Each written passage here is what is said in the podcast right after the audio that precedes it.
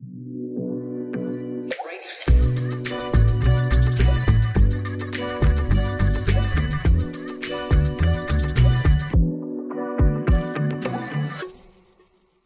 hej, här är vi igen. Det är Break It Live som sänds från Dobbs Studio på Birger i Stockholm. Katarina Andersson heter jag och programmet här sponsras av Almi Invest och Nordea. Och eh, den närmaste halvtimmen så hoppas vi att du ska bli lite smartare. Vi ska prata om allt som bubblar och rör sig i det nya näringslivet. Det som Breakit brukar rapportera om. Så här är våra rubriker den här veckan. Presidentstriden i USA, Biden eller Trump. Vem är bäst president för entreprenörer? Och corona har tagit grepp om Sverige igen. Hur påverkas vi av det? Kommer terapiapparna och meditationsapparna få en skjuts framåt? Och padel har blivit entreprenörernas favoritsport och nya kassako.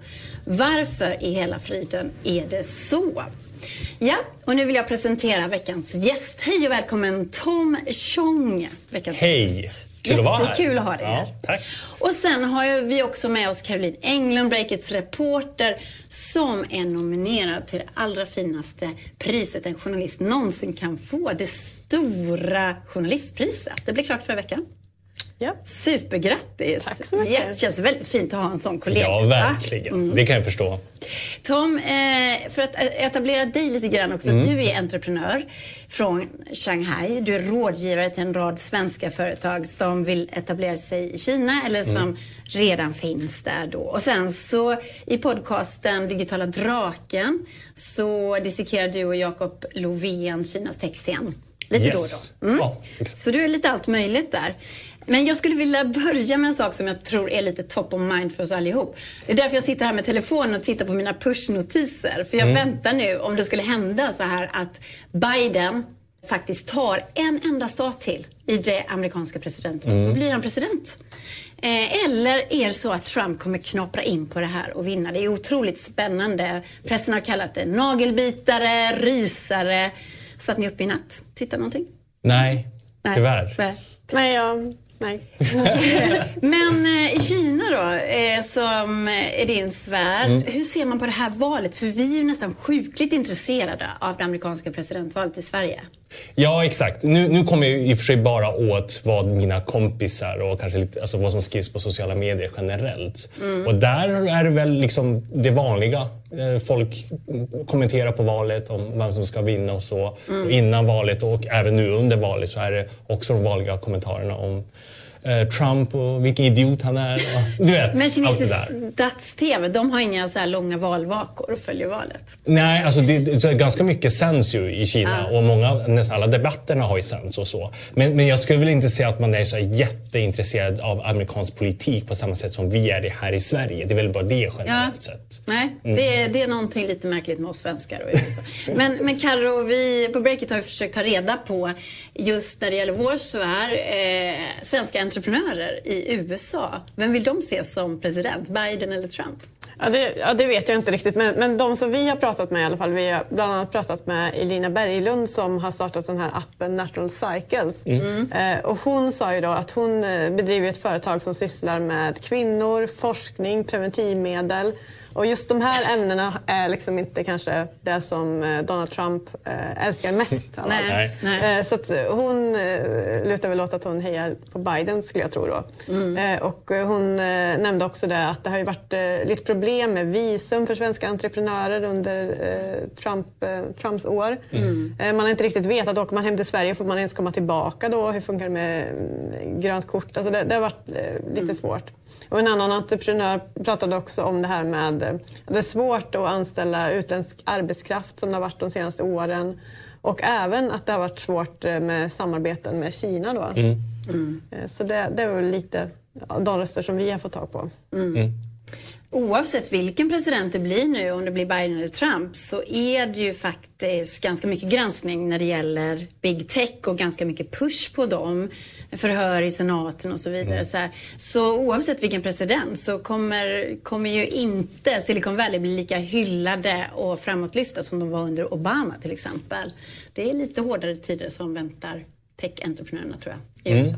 En annan sak som jag vill eh, ta upp sen vårt förra Break It Live så är det ju så att coronan har ju seglat upp med ny kraft igen. Vi eh, har sett nya restriktioner, ganska dramatiska rapporter om ökad smittspridning. Det är där som gör att man blir lite rädd och ledsen igen. Så. På Breakit till exempel så är det hemarbete som gäller nu tre veck veckor framöver. Så Karo, kommer vi, kommer vi orka det här? Ytterligare en sån här nedstängningsperiod. Man ska ju bara vara med familjen sägs det. Ja, nej, det, vi måste ju orka det här men det är klart att eh, många tycker det är tufft. Alltså, jag hatar att jobba hemma, jag tycker det är skittråkigt. Eh, och jag tror många andra också gör det. Eh, framförallt på grund av det här sociala, att man vill komma till jobbet och träffa träffa dig Kat. Ja. nej, men, eh, sen, eh, och, och jag tror att eh, det som det här kan leda till om man tänk, tänker affärsmässigt är ju när många mår dåligt att man kanske vänder sig till då appar. Det finns ju en psykologi, psykologiapp som jag skrivit om som heter Mindler och Kry och många satsar på det här med eh, hälsa. Eh, digital hälsa. Och det tror jag kommer växa mycket i, i spåren av corona. Ja, men spännande tycker jag. Spännande spaning. Jag tänker Tom, Kina som, som låg före. Det var där som utbrottet startade. Så man också såg de första trenderna, hur det påverkade samhället och affärer och så. Så jag tänker, har man sett den typen av affär växa till exempel mindfulness-appar eller, eller så? Ja, alltså nu var det den värsta perioden av corona. Kina blev det som, som så extremt. Det gick ju upp väldigt mycket. Mm. Allting stängde ner och sen återhämtade man sig bara allt det här inom två, tre månader. Men, så, men under den perioden då allting var nedstängt egentligen. Mm. Där, då skulle jag väl hävda att nej, men absolut, det fanns ju massa olika såna här appar som man använder när man är lite ensam. Eh, Just mindfulness och sånt har ju inte jättemycket traction i Kina för att jag tror inte att unga människor riktigt förstår, har blivit utbildade att man ska liksom ställa de frågorna. Liksom. Okej. Så här. Men, men generellt sett om vi kollar på livestreaming-spel, alltså massa sådana saker som Mm. där man vet att folk använder mycket mer när de sitter hemma är ensamma. Eh, Det har ju ökat jättemycket såklart. Ja.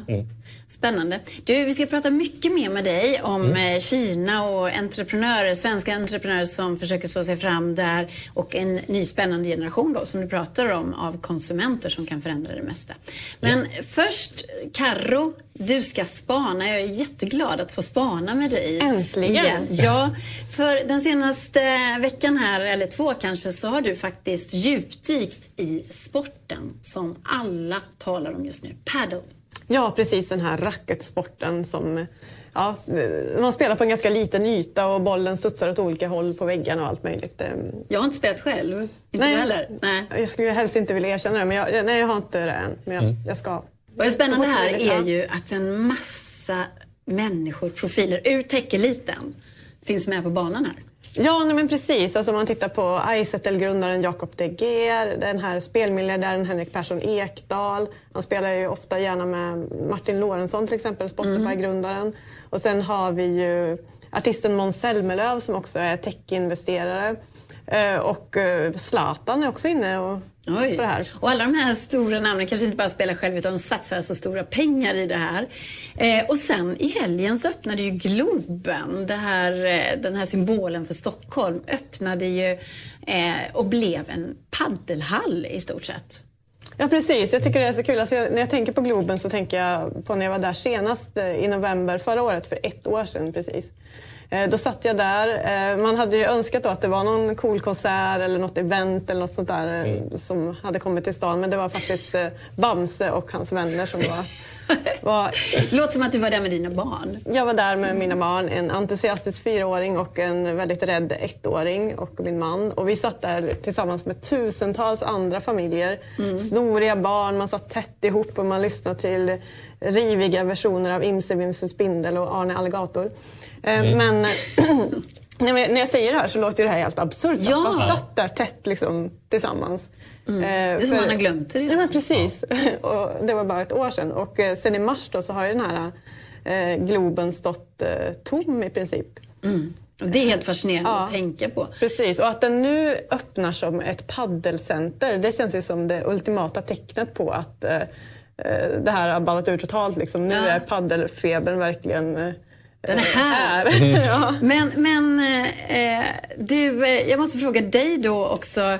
Eh, nej, vi väntar lite med Tom, vi, vi får vänta lite med dig. Mm. En sak till till Karo. Jag bara undrar, eh, du inledde med att säga att padel har blivit alltså tech-entreprenörers stora sport. Men eh, vad är det de gör egentligen? Hur engagerar de sig? Eh, ja, men om vi tar iSettle-grundaren då, Jacob De Geer. Han fick ju ganska mycket pengar när han sålde iSettle till Paypal mm. för några år sedan. Eh, och han har funderat ett tag på vad han ska göra för pengarna och det han har bestämt sig för nu är att öppna en enorm paddelhall eh, i norr om Stockholm. Ganska långt från, från Iceset. ja, men det handlar om välgörenhet säger han. Mm. Men, men i alla fall, det gör han. Och sen har vi ju Henrik Persson Ekdal. Han gillar inte bara att spela utan han satsar också pengar på en app där man kan boka paddel. Då, mm. Eh, och sen har vi... Ehm, Zlatan sa du också. Ja, precis. Zlatan. Han har ju börjat med en paddelhall här i Stockholm och håller på att bygga ännu fler runt om i Sverige. Och den som eh, liksom är den största paddelentreprenören av dem alla skulle man kunna säga, det är Måns Zelmerlöw som tillsammans med den här eh, före detta tennisspelaren Jonas Björkman driver en kedja som eh, verkligen växer så det knakar. Jag tycker det här är helt jag kan, jag kan nämna fler, men det blir liksom eh, hela programmet då. Men Tom, hur ser det ut i Kina då? Har paddelfebern kommit till Kina också? Nej, inte än, men det är nog på väg. För att vi har faktiskt ett svenskt företag som heter PaddelX som just har öppnat fyra banor i Shanghai. Men det är liksom verkligen, verkligen supertidigt. Ja, ett svenskt bolag. Ja. Jättespännande. Fyra banor, det är liksom eh, hälften av banorna som finns på Tyresö då? Finns ja. i Shanghai. Nå mm. Någonting sånt. Eh, med 25 miljoner människor. Men, men sen så, jag tror faktiskt personligen väldigt mycket på, på, på den här trenden. Och via mitt bolag som håller på med träning och en bokningsplattform för träning och, och liksom yoga och så vidare i, mm. i Kina då, så håller vi faktiskt, vi lanserade just en paddelprodukt faktiskt. Ah, du vill ja. bli paddelkung i Kina då Tom, eller? alltså, jag, jag, skulle säga att de som redan har lanserat paddelcenter där, de får väl bli paddelkungarna. Men, ah. men jag kanske blir paddeltechnörden då. Ja. Eller något sånt. Ja. Mm. Men de här bokningsplattformarna de tjänar ju också väldigt mycket pengar. Så att det... Ja, nej, men det... De finns ju business där också. Ja, det hoppas jag på. Mm. Verkligen. Eh, men här i Sverige då, Karo, alla de här entreprenörerna du eh, radade upp eh, som satsar mycket pengar. Vem är det som vinner paddelslaget här hemma? Eh, ja, det, det beror lite på. Men, men, några, som jag sa förut, som verkligen storsatsade är ju Måns Zelmerlöw och Company. Alltså de eh, har ett bolag som heter PDL Center. Mm. Och de ägnar sig åt, man kan kalla det för blitzscaling. Det är liksom ett uttryck där man bara öser på och så snabbt som man bara kan eh, etablerar sig överallt för att bara liksom vinna över alla andra konkurrenter. Mm. Uh. Många techbolag har ju sysslat med det här. Eh, och de, eh, jag pratade med dem för ett tag sedan och de eh, har nu 26 paddelcenter i Sverige. Oj! Japp, det mm. har gått snabbt och de öppnar 10 om året planerar de i mm. Sverige. Sen ska de ju ut i världen också. Oj. De ska bli störst i världen säger de. Och då har jag tittat lite på det här, för det som är intressant liksom, när det kommer nya branscher och så, tycker jag, eller vi på Breakit, är ju riskkapital. Mm. Och PDL Center har eh, tagit in 20 miljoner i alla fall i år i riskkapital. Eh, och då började jag kika på de här, eh, vilka är det som har lagt in pengar? Och då hittade jag, efter mycket grävande i handlingar, eh, en man då, som också sitter i ett annat bolag som var kopplat till den här anrika finansfamiljen Lundberg. Så den gammelfinansen kommer in är inne. Det är inte bara de här tech-entreprenörerna utan det är liksom de här världarna möts här. Det, och då betyder det liksom när både den nya och gamla finanseliten satsar på en och samma sak så borde det finnas någonting där kan man säga. Och sen får man inte glömma Zlatan som lurar eh, bakom buskarna. buskarna. Mm. För han, hans bolag satsar ju också väldigt mycket och de har ju satsar ju mycket mer på, eh, som de säger, då, en liten känga till Måns kanske, att de satsar mer på kvalitet. Eh, så att, och, och, det är också dyrare att spela där så att det är liksom, ja, man får se vem som mm. vinner men jag ska absolut följa det här för det här är jättespännande. Mm. Det är game on i den svenska paddelvärlden kan man säga. Mm. Tack så väldigt mycket för den eh, spaningen Carro. Och tack Tom så länge. Du ska få komma tillbaka. Eh, vi tar en liten paus från dig nu, men mm. vi vill ha dig tillbaka. Och då ska vi prata med dig alltså om den nya generationen kinesiska konsumenter. De är rika, de är smarta och de är värdedrivna. Du som vill kan också då skicka in dina frågor till Tom som han kommer ta i slutet av programmet och det gör du på vår Facebook-sida, Breakits Facebook-sida eller i vårt Twitch-flöde går det bra också. Okej, gå in, ställ dina frågor till Tom och gör det nu. Vi går vidare i programmet.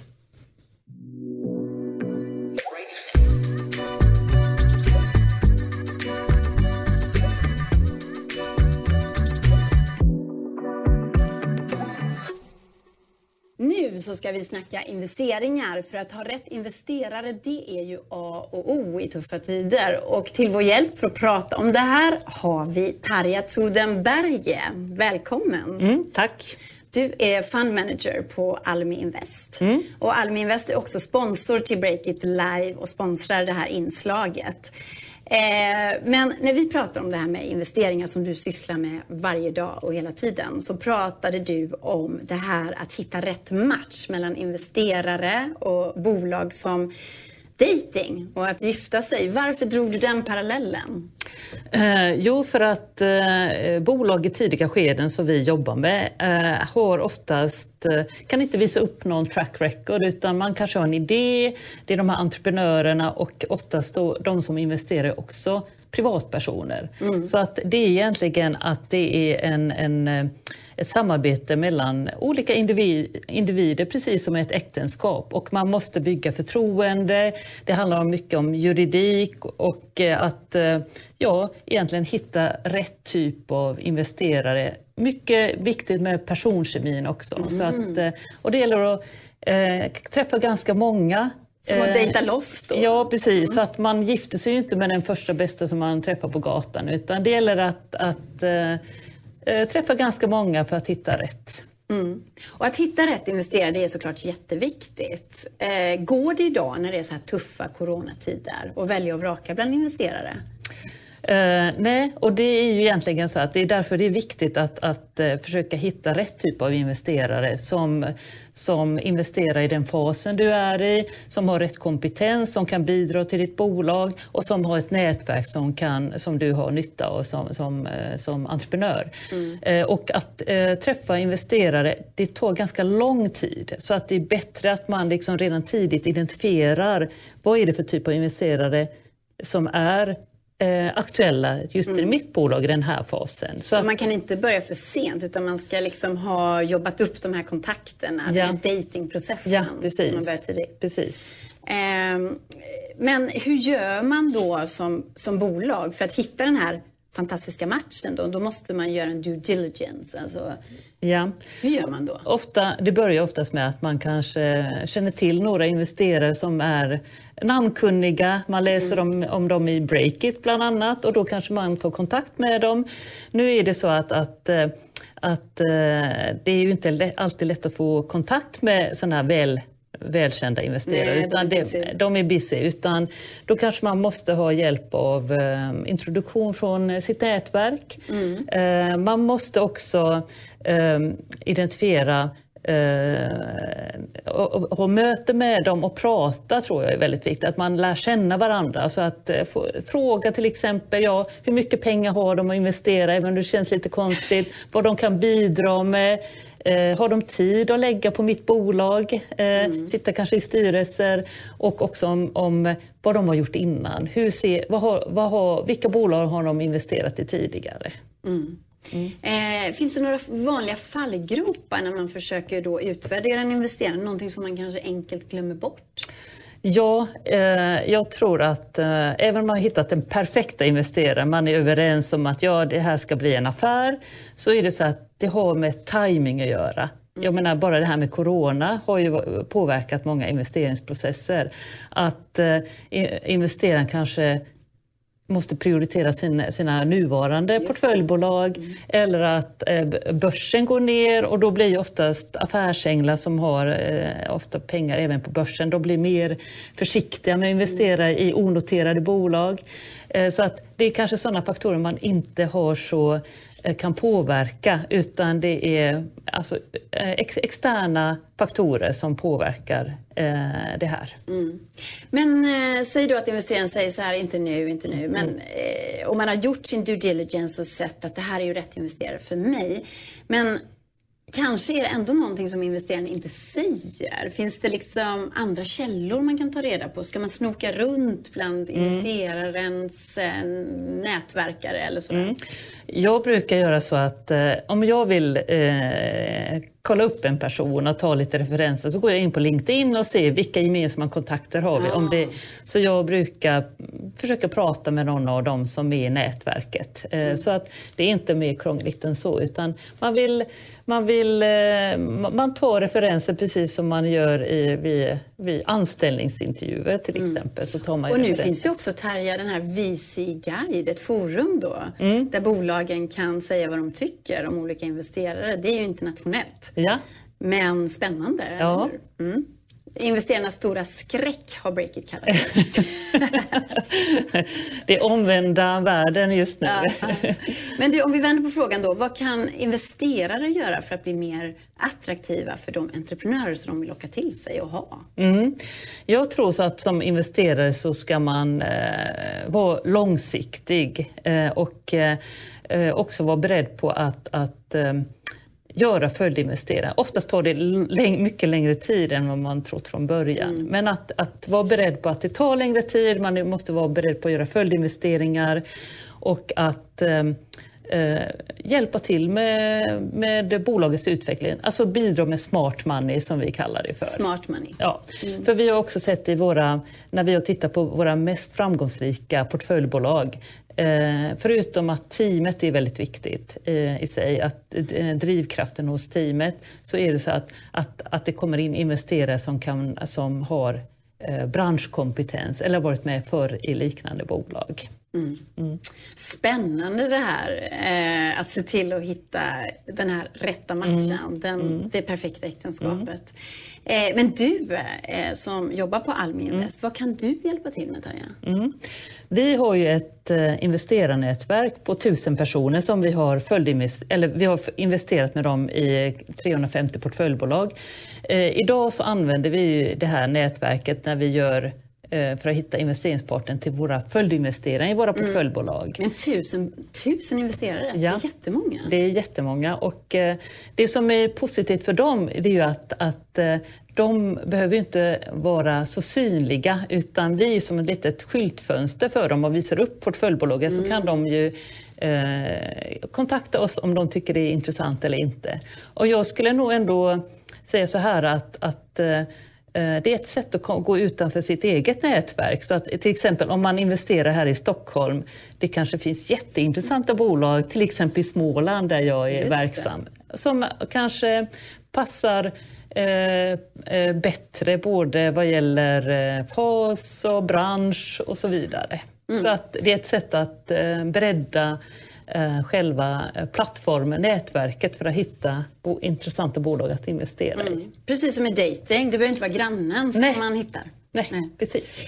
Ja, men super, det här är ju jättespännande. Och om vi då får lägga dina kontaktuppgifter i chatten för den som är intresserad och ta kontakt med Almi Invest. Mm. Mm. Tack så mycket Tarja. Mm, tack själv. Tom Chong, han är strax tillbaka. Det blir nästa grej här i Break It Live. Du kan alltså ställa dina frågor direkt till honom, för det här är ju en livesändning. Tom, som vi sa, är ju entreprenör i Shanghai. Han vet allting om svenska bolag som vill etablera sig i det stora landet i öst. Så har ditt bolag ögonen på Kina, så passa på. Gå in och ställ dina frågor till Tom.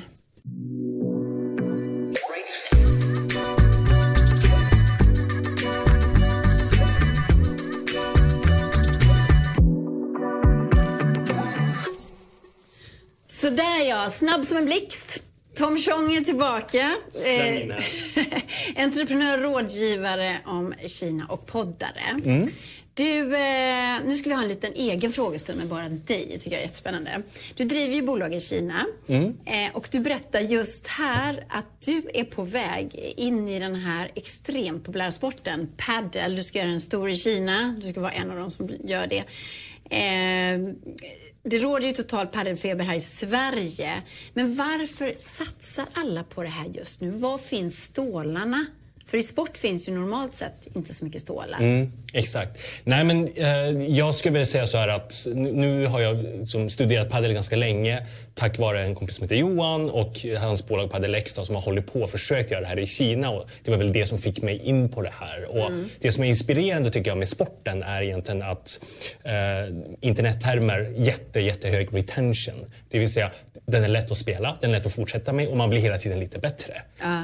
Det är lite som om man ska bygga den bästa spelappen så måste den vara så designad. Förstår? Annars tappar man ju människor. Mm. Så det är ena. Och det andra är ju egentligen att liksom, en paddelbana behöver bara halva ytan av en tennisbana. Just det, och, den liten. Och, men, men det är fyra som spelar paddel. Mm. Så du har ju faktiskt fyra gånger fler människor eller hyra, hyresintäkt, kalla det vad du vill, på samma yta som en tennisbana. Och tennisbranschen har ju historiskt sett varit sådär. Liksom. Alltså det är inte så många som spelar, det finns många tennisbanor och tar många kvadratmeter. Så många tennisställen kan ju då bygga om och kanske Just. lägga in padelbanor istället. Men det här är alltså ganska lätt då, för tennis mm. är ju skitsvårt. Det Exakt. går ju aldrig att lära sig. Jag har försökt. Och mm. sen att man då kan knö ihop lite folk. Och sen betalar man rätt mycket pengar också, eller? Ja, och det är väl det som är så trevligt på något sätt samtidigt för att den har ju den här tennis-viben mm. varumärkesmässigt. Lite lyx. Lite lyx. Och man, ska, man har så här, snygga kläder på sig och snygga racketar och snygga banor och allt så här. Och det gör ju att liksom, man precis har den här white collar målgruppen. De som jobbar på KPMG eller på startup eller vad som mm. helst. Okej lön och det, det, är det nu man gör för att umgås med sina kompisar. Mm. Eh, och och, och där, där finns det mycket pengar att tjäna då i så fall. För det kommer ju ta mycket per timme. Ja. Mm. Alltså jag tycker det är helt fascinerande den här trenden. Det är mm. så mycket som händer just nu. Men om vi går vidare lite på Kinaspåret. Mm. Eh, det, det, är ju så här att det är många svenska bolag som etablerar sig i Kina. Exakt. Och senast då som Breakit rapporterar om så är det ju Bianca Ingrossos sminksuccé, Kaja Cosmetics, som ska till Kina nu då. Mm. Eh, och andra bolag som lyckas bra är ju klockföretaget eh, Daniel Wellington, Wellington och sen så Acne och H&M mm. finns också där. Och eh, eh, hur ser du på den här trenden? Gillar eh, kineserna den här typen av västerländska som sporten paddle och mm. västerländsk mode? Nej, men jag tror att det som, det som alla de här har gemensamt, alltså så här, Kaja, Danny Wellington, Uh, mitt bolag, att anledningen till att jag startade till, till att börja med i Kina är ju i grund och samma att liksom, eh, det har ju kommit och vuxit upp en ny ung målgrupp i Kina. Alltså de som är födda på 90-talet, eller sent 80-tal, men framförallt 90-talet, 00-talet. De är, de är unga, de är beresta, de har bra engelska, eh, de har rest jorden runt. Mm. Så här, och de, de, har vuxit upp i ett helt nytt samhälle med helt nya värderingar, tycker det är viktigt med, med klimatet och, liksom, och, och sådana saker. Mm. Och, och, helt andra smaker. Och det är ju, just den målgruppen är ju oftast också, har ju vuxit upp under en period då ekonomin har gått väldigt bra. Så de har ju mycket pengar att spendera samtidigt också. Mm. Och det är det vad många... Så här, anledningen till att jag startade eh, Move då, alltså, som är träningsplattform och mm. möjliggör kineser att träna var ju för att gå efter den här målgruppen. För att mm. Jag gjorde ett bett på att det finns väldigt många som vill betala väldigt mycket pengar för yoga. Liksom. Eller, och, nu, och, nu, och nu paddel. Då. Eh, och det är samma sak så här, i, i Danny Wellington och Kaja-casen är ju samma sak. Det är ju den här nya målgruppen som är så pass många hundra miljoner människor så, så de är så himla attraktiv målgrupp. Och det ser du ju också med alltså, hälften av lyxkonsumtionen globalt, mm. alltså Louis Vuitton, Chanel och så vidare. Hälften av den omsättningen är ju från kineser och från Oj. den här målgruppen. Då. Men då alltså, skiljer de sig extremt mycket från den tidigare generationen? Är det nästan som natt och dag? Ja, det, det är verkligen som natt och dag. För den tidigare generationen mm. var ju sådana som mina föräldrar som växte upp i ett Kina då det var fattigdom och man hade knappt mat på bordet och, och, och sådana saker. Och, och då när du växer upp i ett sådant samhälle då kanske inte det första du gör är att vilja gå och shoppa en Louis Vuitton-väska. Så, så här, man, har ju andra värderingar, man, man, växer upp med andra värderingar. Men hur gör du då för, och hur gör man om man vill locka just den här eh, målgruppen?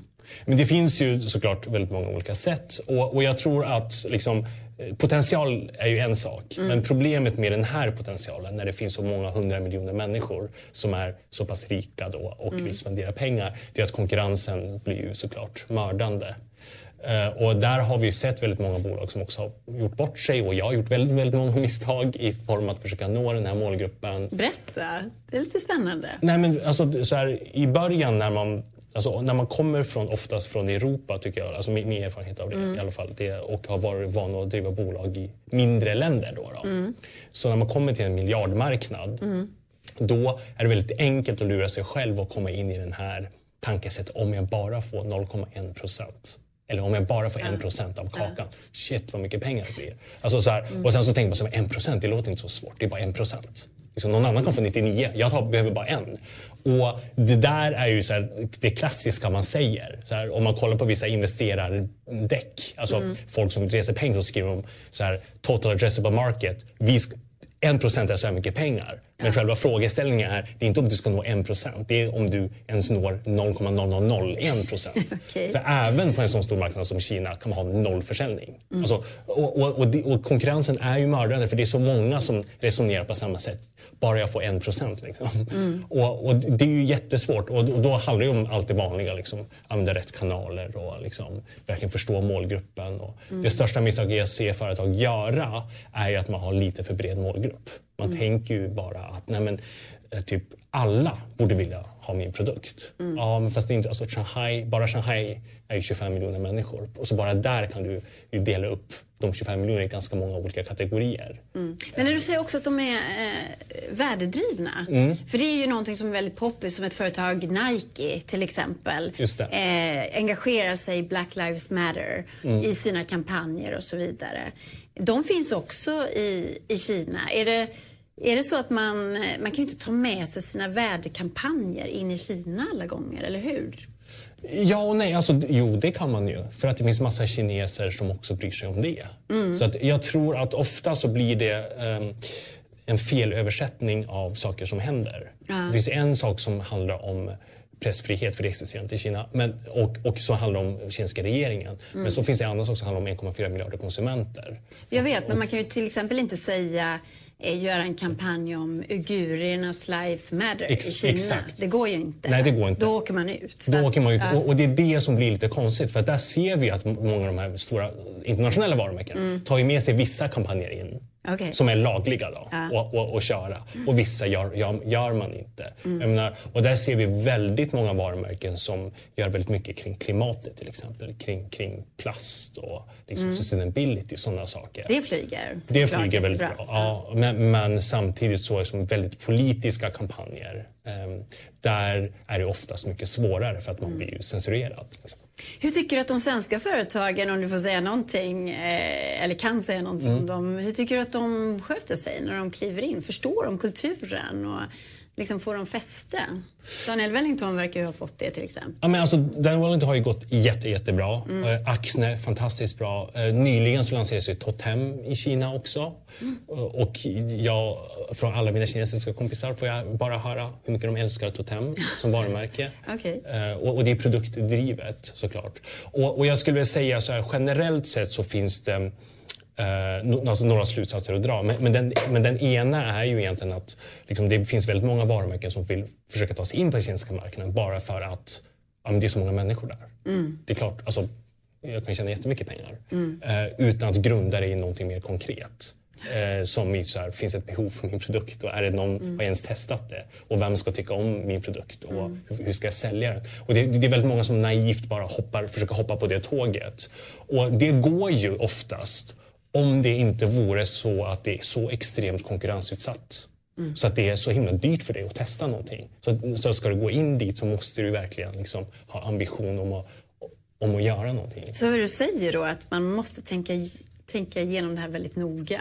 Innan man går dit, liksom, etablerar sig? Ja, och sen så tror jag att det, alltså det beror på vilken produkt man representerar. Men så här, Amen, eh, tror jag att de heter, alltså de här yogabyxvarumärket, de går ju också väldigt bra i Kina. Mm. Och, och, det har ju, allt det här har ju hänt lite organiskt. Alltså, eh, innan Totem lanserades i Kina nu så fanns det en massa gråhandel av totemkläder i Kina. För det var en massa människor som hade åkt till Stockholm, köpt med sig kläder för att ta tillbaka till Kina och sälja. För, för, att det fanns ett behov. För att folk tyckte, hade läst om varumärket på nätet, tyckte det var snygga kläder och ville köpa det. Och så sökte de på det liksom, på e-handeln i Kina och hittade ingenting. Och helt plötsligt var det några som kom på att då kan väl beställare på, från deras e-handel till att de levererar ju inte till Kina men de levererar till Hongkong. Kan leverera till min kompis där för att ta in det i landet och så mm. säljer det då. Mm. Alltså, och, och, där kan man ju säga, ja, men där hade det redan tack vare att de hade gjort ett jättebra jobb i Sverige eller i Europa mm. så hade de börjat bli kända och kineserna hade redan då börjat visa ett intresse. Mm. Och, så, och det är ett så superbra exempel på när man ska gå in i Kina. Det är, ja, det är underbart. Lyckande jord liksom. Man mm. har lyckats attrahera den här gruppen. Exakt. Eh, hörni, snart så blir det frågor med Tom. Så om du inte redan gjort det så kasta in dina frågor på Breakits Facebook-sida eller i vårt Twitch-flöde. Fråga Tom precis vad som helst, till exempel om, om Kina och vad som händer där. Men innan eh, du får svara Tom mm. så ska vi över till vår kollega Christian och vår sponsor Fondia. Tack så mycket för det. Jag står här med eh, Hanna Scherman, senior juridisk rådgivare på Fondia som är en juristbyrå. Finns i fyra länder, 150 anställda, sponsrar Break It Live. Eh, ni har ju någonting som heter ELDAS, Legal Department as a Service. Vad eh, innebär det? Precis. Eh, Vår ELDAS är en variant på SaaS-lösning som innebär att bolag kan outsourca hela sin bolagsjuristfunktion till oss. Det innebär att vi kan arbeta proaktivt och hjälpa bolaget redan innan det brinner. Det blir billigare och bättre för bolagen och det blir mycket roligare för oss att arbeta med. Ni jobbar mycket med startups just och eh, har en egen tjänst som heter Runway för den här målgruppen. Vad, eh, vad är det som skiljer från andra skulle du säga? Precis. Eh, Runway är vårt VIP-program för startups. Vi tycker mycket om startups, vill gärna jobba med startups så vi tror att det är framtiden. Så vi erbjuder ett betydligt bättre pris för startups som har eh, inte hållit på lika länge. Och man kan få veta mer om det genom att klicka sig in på vår hemsida och, eh, och eller ta kontakt med våra jurister. Bra. Underbart. Tack snälla Hanna Scherman från Fondia och tack Fondia för att ni sponsrar Break Live. Nu tillbaka till huvudprogrammet. Så mycket Christian och tack så mycket Fondia. Nu är det alltså frågor med Tom Chong som är veckans gäst här i Break Live. Mm. Tom, är du redo? Är ja. du beredd? Frågorna bara strömmar in till dig här. En fråga är, vilken är den hetaste branschen i Kina just nu? Eh, den, så här, den hetaste branschen om vi kollar liksom vanliga varor uh. så är det smink. Eh, det är absolut heter, håller på att explodera totalt med nya mm. sminkvarumärken och så. Uh, ur ett tech-perspektiv så skulle jag väl säga uh, att det fortsatt kanske är, liksom, det är fortfarande AI. Uh, alltså liksom, applikation av AI och faktiskt liksom, olika, det kan vara facial recognition eller mm. liksom, sådana saker. Mm. Mm. Den här då? Hur ser den kinesiska marknaden ut för SaaS-bolag? Den är ganska omogen. Eh, så SAS är ingen, inte en riktig grej i Kina just nu. Mm -hmm. Så, det, och det, det, är ganska, det är väldigt många investerare som bettar på att den ska bli hur stor som helst. Eh, och det finns en massa anledningar till varför den inte har blivit så himla stor nu. Men framför allt för att liksom, det finns en ovana av företag att köpa in tjänster på det sättet. Men jag tror att det kommer förändra sig, men just nu inte så stor alls. Ja. Så ska man stå på tårna lite grann om man är ett duktigt SAS-bolag? Eller finns det några sådana här givna jättar som Alibaba eller Tencent som redan tittar på det där? Ja, alltså de har ju SAS-tjänster och ah. de är väl de enda på marknaden som har typ SAS-tjänster som folk köper. Ah. Men, men nej, det kommer bli jättemycket större eh, och jag tror att har man en bra SAS-produkt så kan man definitivt vara i alla fall lite nyfiken mm. på den marknaden. Och sen eh, står det så här, snacka om Huawei! Utropstecken. Mm. Eh, jag är tyvärr ingen expert när det gäller eh, politik och sånt. Så, så det är väldigt svårt. Sen, sen liksom, tycker jag att alltså, det finns två olika sidor av det. Och det ena sidan som jag tycker egentligen är att jag tycker att det är väldigt viktigt att man säger så här att ja, men vi vill kontrollera vår infrastruktur. Mm. Alltså, som land eller som företag eller som vad som helst. Mm. Och vi väljer de leverantörer vi vill välja. Det är inte mer än det.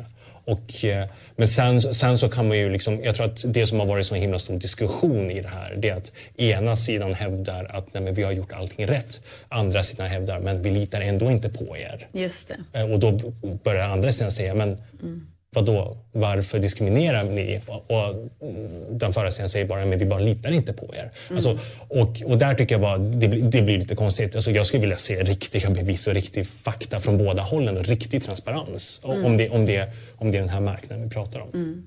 Det där är en svår nöt att knäcka och det, mm. skapar, det skapar inte helt bra vibes liksom mellan Europa och Kina till exempel. En annan fråga som har kommit in här. Mm. Vilket blir första kinesiska consumer goods varumärke utanför elektronik att ta över utanför EU?